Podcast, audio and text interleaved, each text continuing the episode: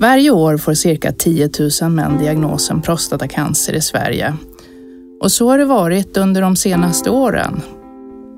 Men så har det dock inte alltid varit. Under 80-talet och början av 90-talet var det runt 3 000 män per år som fick diagnosen. Ungefär 2 300 män dör av prostatacancer varje år och den siffran har varit ganska konstant ända sedan 80-talet. Varför vi har så många som diagnostiseras med prostatacancer nu beror till stor del på upptäckten av PSA, prostataspecifikt antigen, som kom i början på 90-talet. Är det alltid bra med tidig upptäckt av cancer? Det ska vi samtala om idag. Välkommen till Prostatacancerpodden. Dagens program handlar om PSA-prov och om screening. Jag som har podden heter Anna Bill Axelsson och är överläkare i urologi vid Akademiska sjukhuset och docent i urologi vid Uppsala universitet. Dagens gäst är docent vid Lunds universitet, överläkare vid universitetssjukhuset i Cambridge. Han är också med i Socialstyrelsens grupp som utreder om vi ska ha nationell prostatacancerscreening i Sverige. Välkommen hit, Ola Bratt. Tack Anna, trevligt att vara här. Jätteroligt att du har kunnat komma hit flygandes idag. Eh, jag tänkte vi ska prata om det här svåra med screening och tidig upptäckt. Kan du börja med att berätta, vad är screening? Screening är någonting som man använder inte bara för cancer utan för att upptäcka alla möjliga sjukdomar och tillstånd som inte är sjukdomar.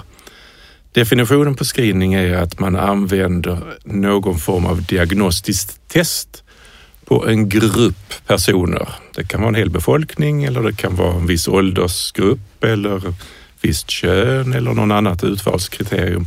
Men på en grupp av människor för att hitta tillståndet eller sjukdomen tidigt.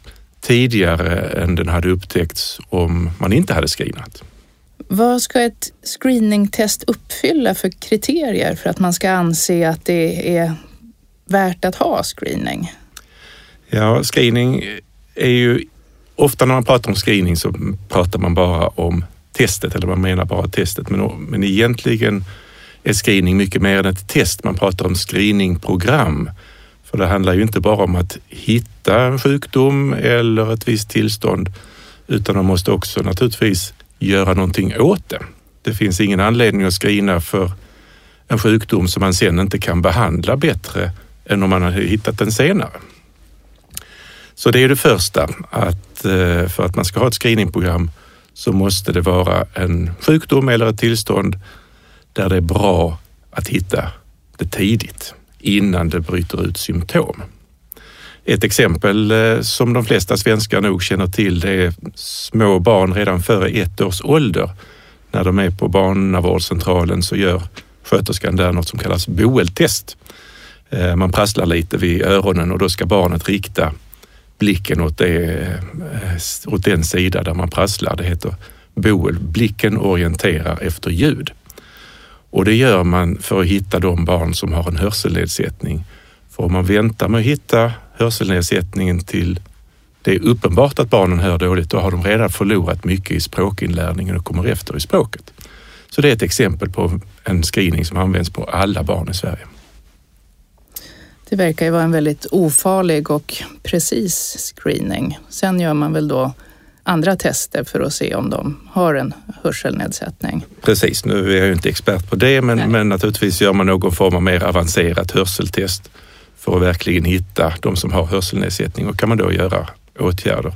Men exemplet visar att det är inte bara fråga om att hitta någonting utan det måste också leda till någonting som är bra för de personer som eh, man hittar det här tillståndet hos.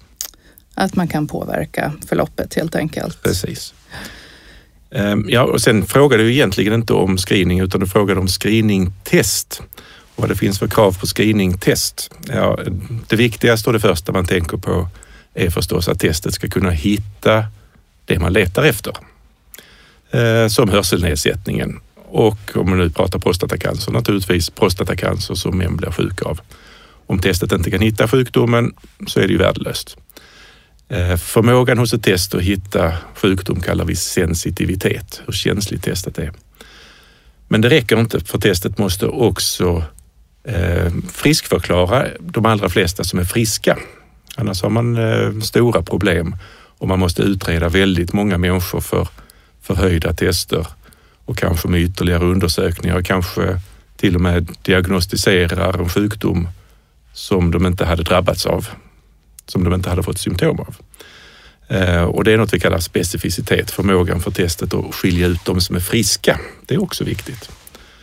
Sen naturligtvis så är det ju viktigt att testet i sig inte är farligt. Eh, det är inte farligt att prassla lite i öronen på små barn, men det finns många screeningtest som man använder som faktiskt är farliga. Man kan eh, dö av komplikationer till tjocktarmsundersökning till exempel, även om det är väldigt sällsynt.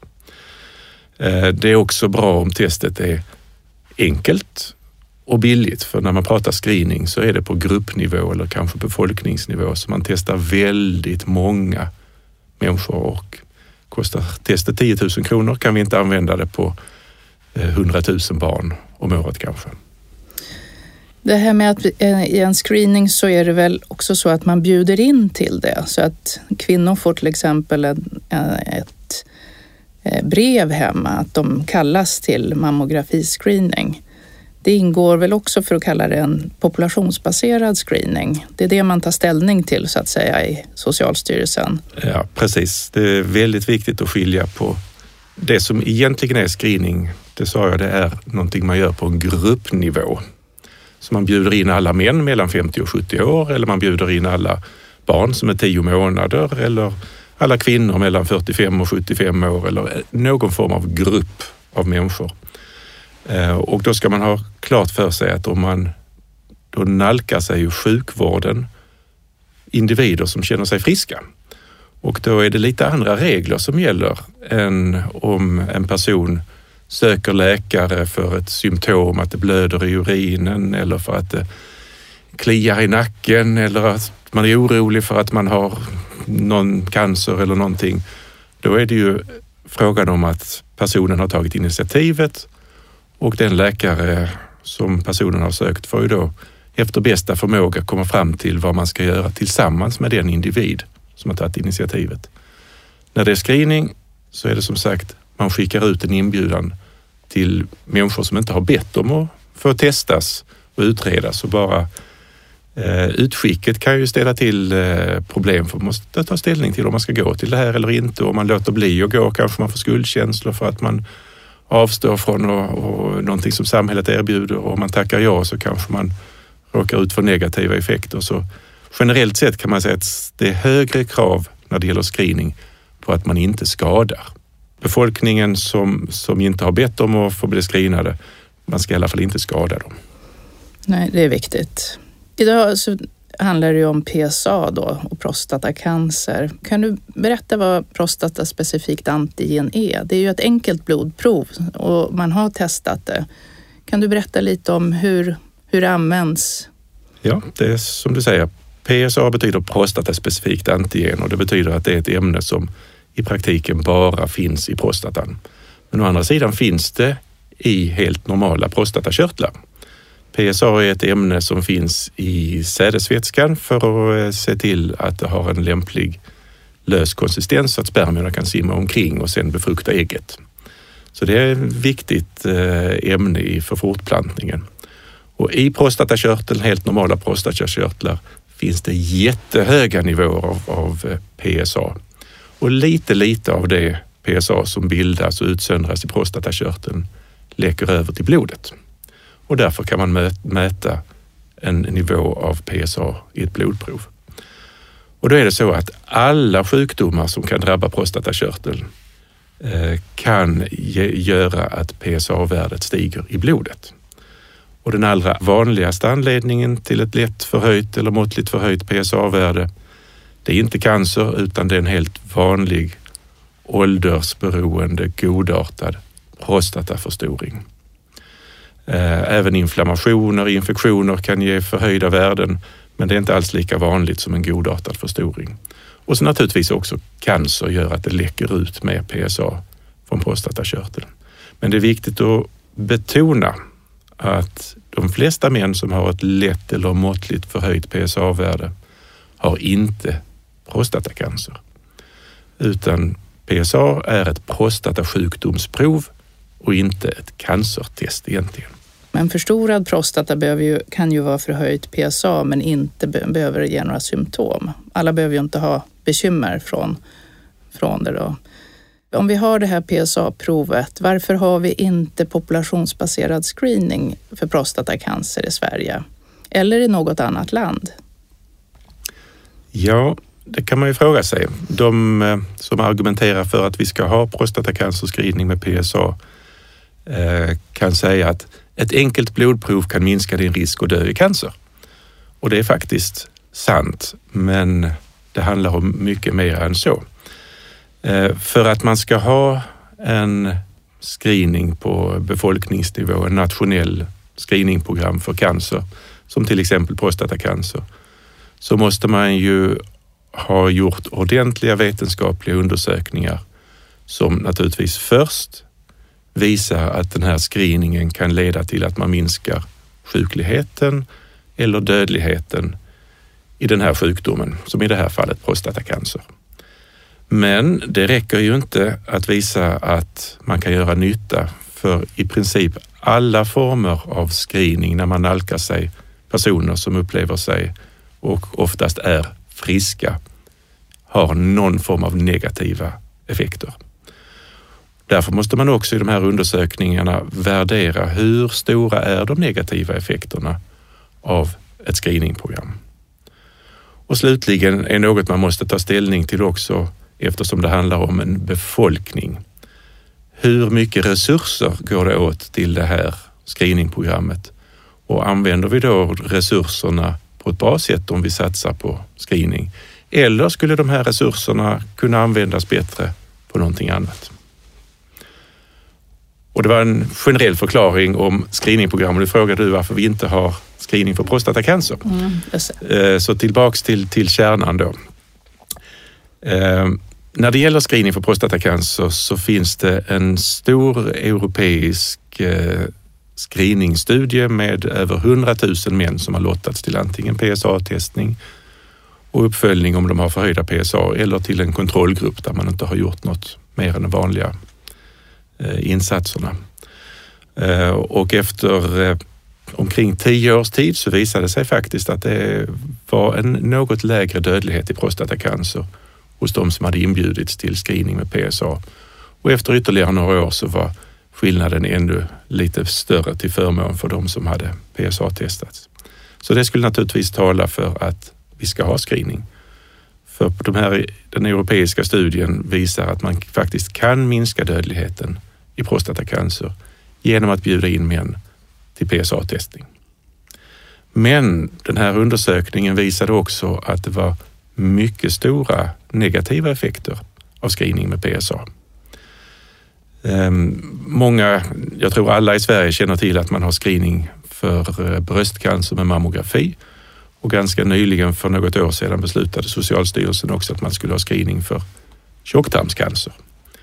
Även för de här cancerformerna finns det liknande undersökningar som visar att om man screenar så kan man minska dödligheten i cancerformen. Och i själva verket är faktiskt den gynnsamma effekten av prostatacancerscreening ungefär lika stor som den gynnsamma effekten av bröstcancerscreening. Men när det gäller bröstcancerscreening så är det inte så väldigt många kvinnor som tar skada av screeningen. Men när det är screening för prostatacancer så är det väldigt många män som tar skada. Kan du beskriva på vilket sätt de tar skada? Ja, det kan man ju fråga. Det är, hur då kan man skadas av screening? Um, ja, problemet med prostatacancer är att det är väldigt vanligt med små härdar av cancer i prostatakörtlar. Små härdar av cancer som de flesta aldrig leder till någon sjukdom.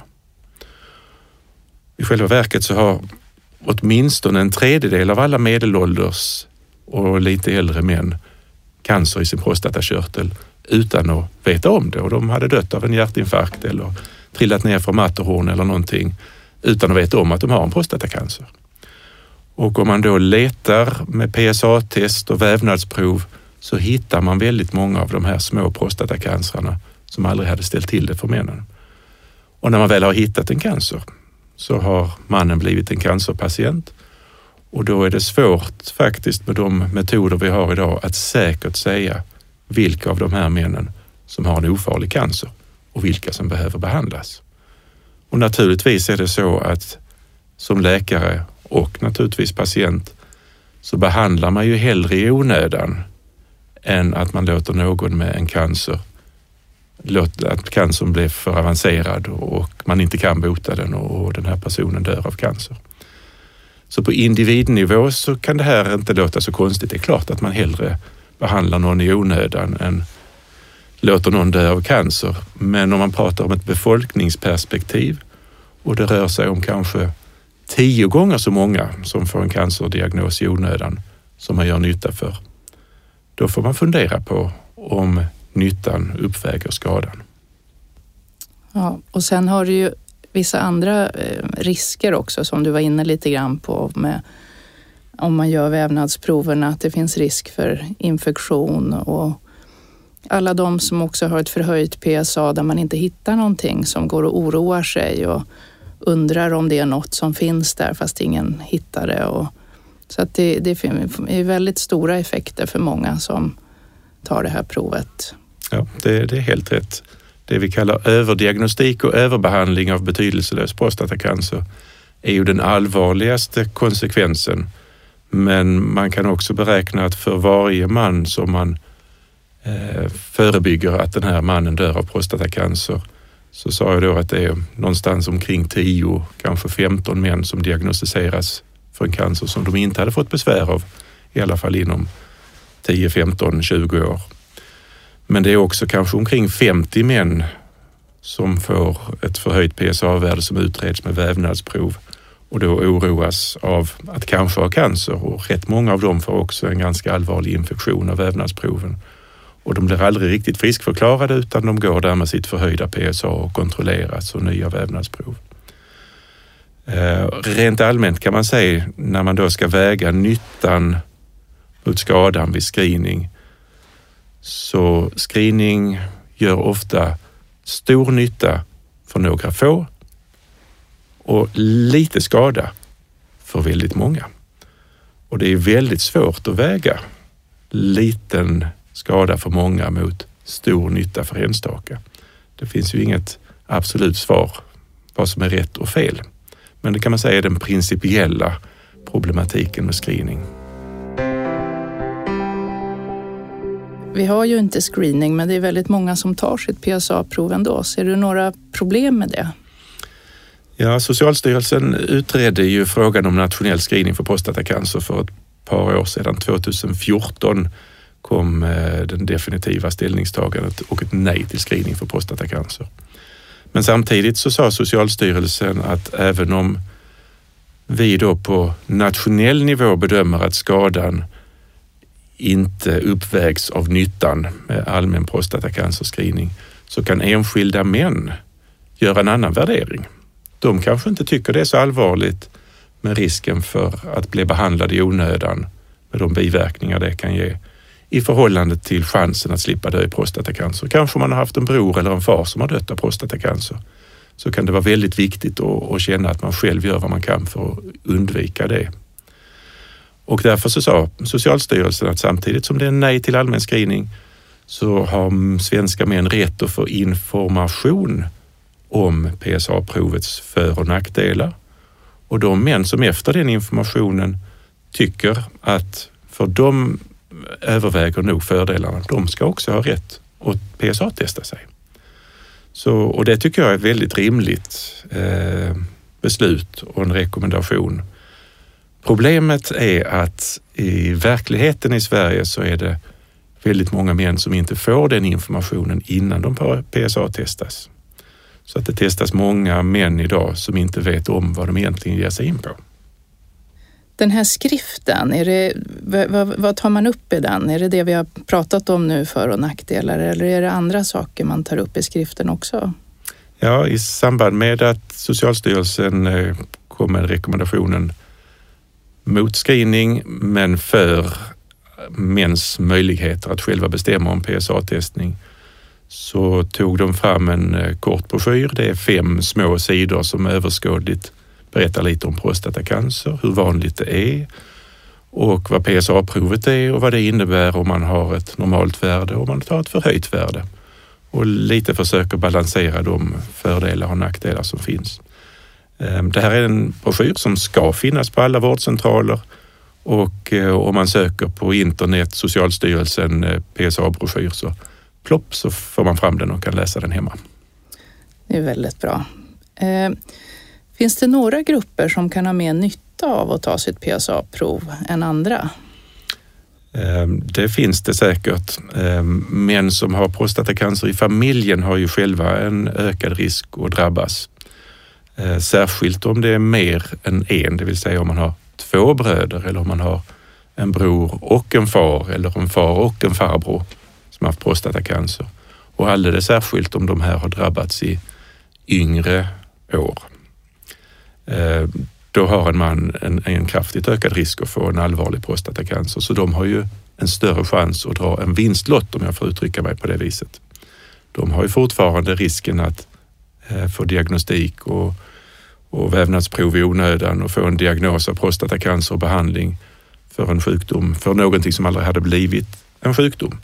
Men de har ändå så att säga en större chans att dra en vinstlott eftersom de har så hög risk att själva drabbas av en allvarlig prostatacancer. På samma vis finns det då grupper som har mindre fördel, som man definitivt kan säga att de inte har någon nytta av att ta sitt PSA. Ja, det är väldigt viktigt och tyvärr är det nog många män idag som tar PSA och om de har förhöjt PSA så har de bara de negativa effekterna. Man har i princip ingen chans att att dra en vinstlott. Man måste nämligen ha klart för sig att med PSA-testning så upptäcker man prostatacancer väldigt tidigt och de cancer man upptäcker och kan bota, de hade för det mesta inte blivit någon allvarlig sjuka på kanske 10 eller till och med 15 år. Och det innebär att män som har en stor risk att dö av någonting annat, en hjärtinfarkt eller av ålder, inom säg 10-15 år, de har nästan ingen chans att dra en vinstlott, men de har lika stor chans att dra en nitlott. Och är de äldre så har de ännu större chans än män i allmänhet att dra en nitlott eftersom obetydlig prostatacancer blir vanligare och vanligare ju äldre man är. Vilken åldersgrupp skulle du i så fall anser skulle kunna ha nytta av eller som överhuvudtaget ska tänka på PSA-prov? Vi pratar om äldre män, men har du någon, ett åldersspann där? De som har undersökts i screeningundersökningen har varit män från omkring 50 år, mellan 50 och 55 upp till 70-75. Eh, så de som kan tänkas ha nytta av prostatacancerscreening det är ja, från omkring 50 år, kanske lite tidigare om man har allvarlig prostatacancer i familjen som har drabbat tidigt och upp till 70-75 års ålder beroende lite på vad man har för andra sjukdomar. Vad säger du då till de här männen mellan 50 och 70-75 som inte har det i släkten och som då fortfarande är, kan ha nytta av det här testet? Vad, om de frågar dig, vad, vad säger du då? Ja, dels så brukar jag göra det enkelt för mig och säga att det finns en utmärkt skrift som Socialstyrelsen har gjort som jag tycker att du ska läsa. Men eh, sen är det, tror jag, väldigt mycket en fråga om personlighet. Jag tror inte att män ska sätta sig fantastiskt mycket in i statistiken och hur många procents risk och chans det är, utan jag tror det handlar om vilken personlighet man är. Är man en man som väldigt mycket uppskattar livskvaliteten här och nu och tycker att den är viktigare än vad som kan hända om 10-15 år. Särskilt om sexlivet är en viktig del av ens livskvalitet.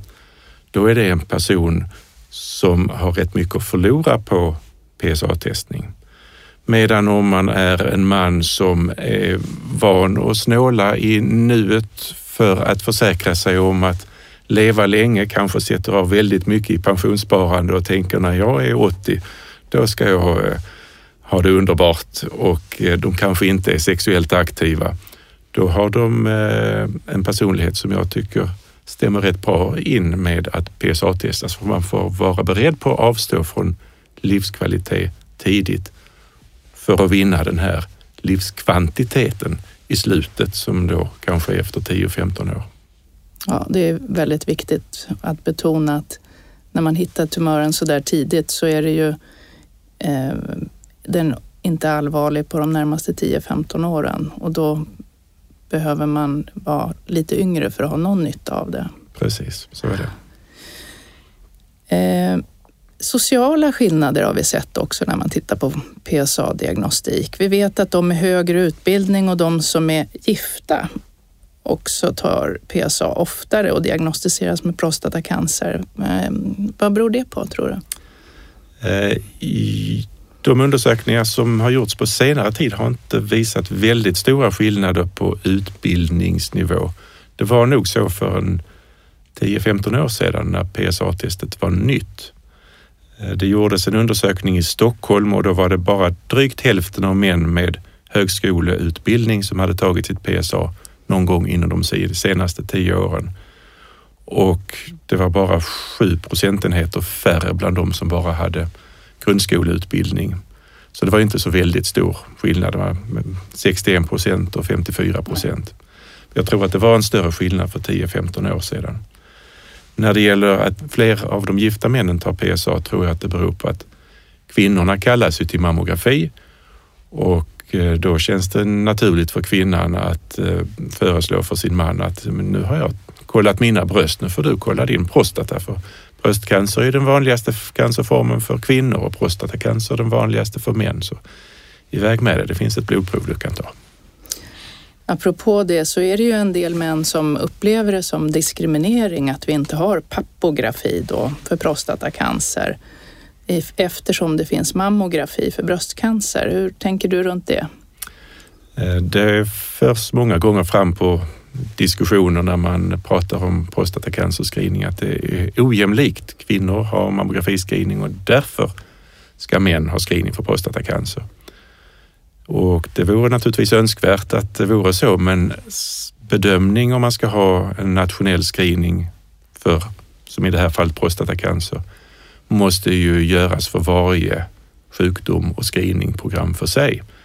Så att vi ska inte ha prostatacancerscreening för att kvinnorna har mammografi och bröstcancerscreening. Utan om vi ska ha screening för prostatacancer så ska det vara för att det är bra och gör mer nytta än skada med prostatacancerscreening. Så egentligen är det ju inte relevant vad kvinnorna har för screening utan screening för prostatacancer måste ju bedömas för sig. Och det kan man väl passa på att betona här då att ja, men vi vill ju som urologer naturligtvis ha screening. Men vi vill ju att det ska vara med ett riktigt bra test. Att man ska kunna hitta de som behöver hittas och inte hitta de som inte behöver hittas. De som har en ofarlig tumör. Vad finns det för andra screeningtest? Det som har utvärderats i eh, den stora europeiska screeningstudien där för övrigt Göteborg var en viktig kugge i hjulet var screening med enbart PSA och sen tog man vävnadsprov på alla män, eller man föreslog i alla fall vävnadsprov för alla män som hade ett PSA-värde över en viss nivå. Och det är de resultaten som vi då kan diskutera från de stora screeningstudierna. Och i själva verket så har ju nu forskningen eh, tagit stora steg framåt. Dels när det gäller om hur vi ska använda PSA-testet. Vi vet från de stora screeningstudierna att PSA enbart är inte särskilt bra på att hitta de män som behöver behandling för prostatacancer. Men vi har förstått mer och mer att det är ett väldigt bra test för att hitta en stor grupp män som har en väldigt låg risk inte bara har prostatacancer utan faktiskt av att drabbas av prostatacancer på 10-15 års sikt. Så med PSA-testet som ett första filter så kan vi sortera bort mellan en tredjedel och hälften av alla män mellan 50 och 70 år som inte behöver göra några ytterligare tester på många, många år och när det är män som är över 60 år så kanske de aldrig behöver göra ett PSA-test igen om de har ett riktigt lågt värde. Så det är ett, ett stort framsteg när det gäller att undvika överdiagnostik och överbehandling, att man lätt kan filtrera bort en stor grupp män. Vad vi då behöver är ju andra test och komplettera för de män som har ett lätt eller måttligt förhöjt PSA-värde. Och där har forskningen kommit fram till en hel del nya blodprov. Det finns något som heter PHI som är Prostate Health Index, prostatahälsoindex på engelska, eh, som är PSA-liknande prover där man då kan sortera ytterligare lite bland de män som har lätt förhöjda värden. Ett liknande prov heter 4 kalekrin score eh, som också är ett blodprov som man kan använda för de som har eh, lätt förhöjda PSA-värden. Ehm, här i Sverige gjordes ju nyligen 2014 och 2015 en stor undersökning i Stockholm som heter Stockholm 3 där man använde en del av de här testen och lite liknande test och en del andra blodprovstest inklusive en del genetiska markörer och kombinerade med eh, ultraljudsundersökning och ärftlighetshistoria och undersökning av prostatakörteln med fingret. Och med den här avancerade, många olika testerna kunde man beräkna vilka män som behövde vävnadsprov och vilka som kunde slippa vävnadsprov. Så man, med extra testning så kunde man sortera bort många som, som slapp vävnadsprov. Och slutligen då som nytt test så har vi magnetkameraundersökning där teknisk utveckling har eh, nått väldigt långt de senaste tio åren. Så att man, man, man, man, man med magnetkamera kan sortera bort en hel del män som inte har eh, cancer trots förhöjda PSA-värden. Och där är det två stora studier som pågår i Sverige, stämmer det? Det stämmer bra. I Göteborg började man eh, redan förra året med en eh, stor screeningstudie där magnetkameraundersökning ingår hos en del män så att män lottas mellan screening med PSA-test bara eller screening med PSA-test följt av magnetkameraundersökning av prostatakörteln. Man undersöker också olika nivåer för magnetkameraundersökning och vävnadsprov. Och det är en riktig screeningundersökning där man upprepar testerna och ser hur dödligheten påverkas efter 10-15 år. I Stockholm har man eh, nu en pågående uppföljning av Stockholm 3-studien där man använder MR som ytterligare ett test för att välja ut de som ska ha vävnadsprov. Det är egentligen ingen screeningundersökning eftersom man bara testar männen en gång och inte tittar på dödlighet. Så det är en diagnostisk studie. Men resultaten ska man förhoppningsvis kunna använda även i en screeningssituation. Så man kan sammanfattningsvis säga att vi har inte screening som det ser ut idag, men det pågår ett flertal studier. Ehm, vi hoppas på att det ska komma fram ett bra screeningmetod. Vad, vad tror du om framtiden? Jag är väldigt optimistisk. Jag eh, tror att inom överskådlig framtid så finns det förutsättningar för att vi ska ha ett nationellt screeningprogram för prostatacancer.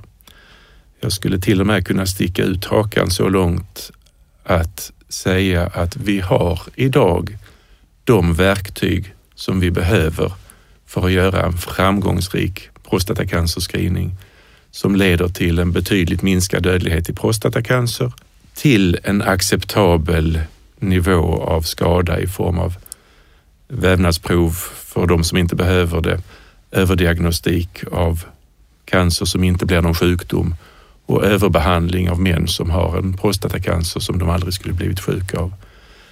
Så vi har de verktygen och det var de jag räknade upp, de kompletterande blodproven, ehm, de andra testerna i Stockholm 3-modellen, magnetkamera. Men vi vet ännu inte riktigt hur vi ska använda de här rätt avancerade verktygen på bästa sätt för att uppnå den här effekten som behövs. Men personligen så tror jag att om vi bara lärde oss använda de här testen på rätt sätt så har vi förutsättningarna för en framgångsrik prostatacancerscreening. Jag kan bara instämma där. Tusen tack för att du kom, Ola Bratt, docent och överläkare i urologi. Jag som har podden heter Anna-Bill Axelsson, överläkare och docent i urologi. Lyssna gärna på de övriga avsnitten Välj det avsnitt som passar dig. Tack också till Erland Carling på Beppo ljudproduktion. Tack för att du har lyssnat. Hej då.